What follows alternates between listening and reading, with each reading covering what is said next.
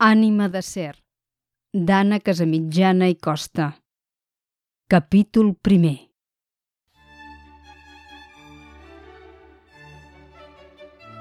La mare de la Maria volia ser una gran artista. Havia après a cantar i a tocar el piano en el conservatori. Tenia una veu molt bonica i una gràcia especial a l'escenari. La veritat és que era una gran solista. El pare de la Maria també somniava en ser algú important. Ell pintava. La Blanca s'havia convertit en una jove de 16 anys molt atractiva que tenia un do especial. De ben petita l'òpera l'havia envoltada. La seva família era de les que anava als recitals i a les funcions sempre que es podia. La professió del seu progenitor afavoria que en els teatres hi hagués una llotja a punt per a rebre'ls i gaudir de les representacions més destacades. I a casa aquell meravellós invent que es deia gramòfon i que era una de les debilitats de la seva mare, no parava mai de sonar. Per tant, la noia es va formar escoltant Caruso i parlant de vinyes, fleta o supervia.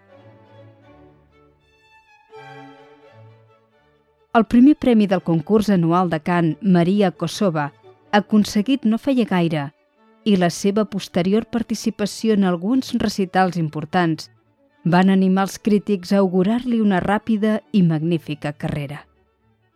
Els contactes que com a periodista tenia el seu pare, el senyor Artur Pons, havien ajudat la noia, però ara, després de tres anys de demanar favors, ja començava a brillar per ella mateixa.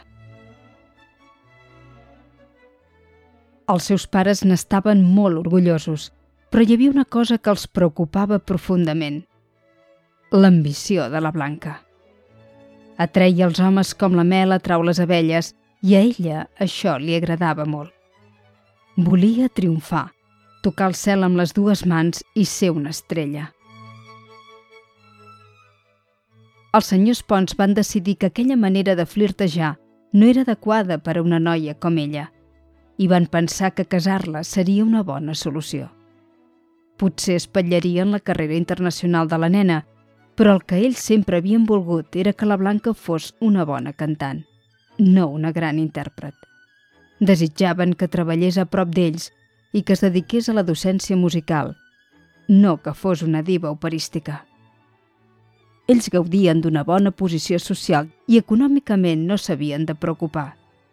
El senyor Artur era soci fundador de El Correo Semanal, un dels diaris importants de la ciutat, i la seva esposa, la senyora Remei, era filla d'uns vinaters de renom.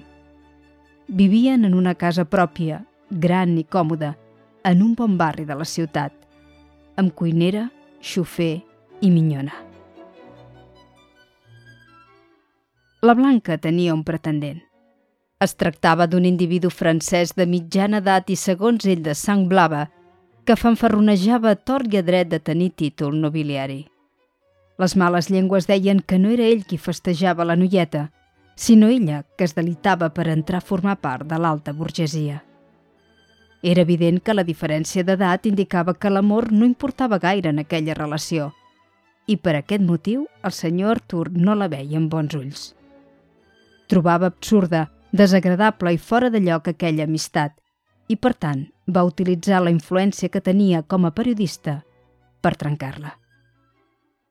La Blanca va posar el crit al cel, però el seu pare, que ja estava decidit a casar-la com i amb qui ell volia, li va donar a triar entre quedar-se a casa soltera i sense ni un ral de per vida o fer les coses a la seva manera i seguir cantant modestament gaudint de la fortuna familiar. La Blanca, que no era cap bleda, va escollir a contracor la segona opció. I així l'avi de la Maria es va convertir en el cabot. Va ser estrany que la Blanca Pons es casés amb l'Andreu Casas, un jove un any més gran que ella, però més aixelebrat, fill d'una família d'una posició social aparentment mediocre, que volia ser pintor i que ningú no sabia d'on havia sortit. La màgia de les cròniques periodístiques, però, va aconseguir que ben aviat tota la societat es convencés que aquell era un amor sincer i que de ben petits la parella s'havia promès matrimoni. Si fins aleshores no s'havia sabut res de l'Andreu, era perquè havia anat a estudiar a França, sota la tutela d'un reputat mestre que, de moment, preferia mantenir l'anonimat.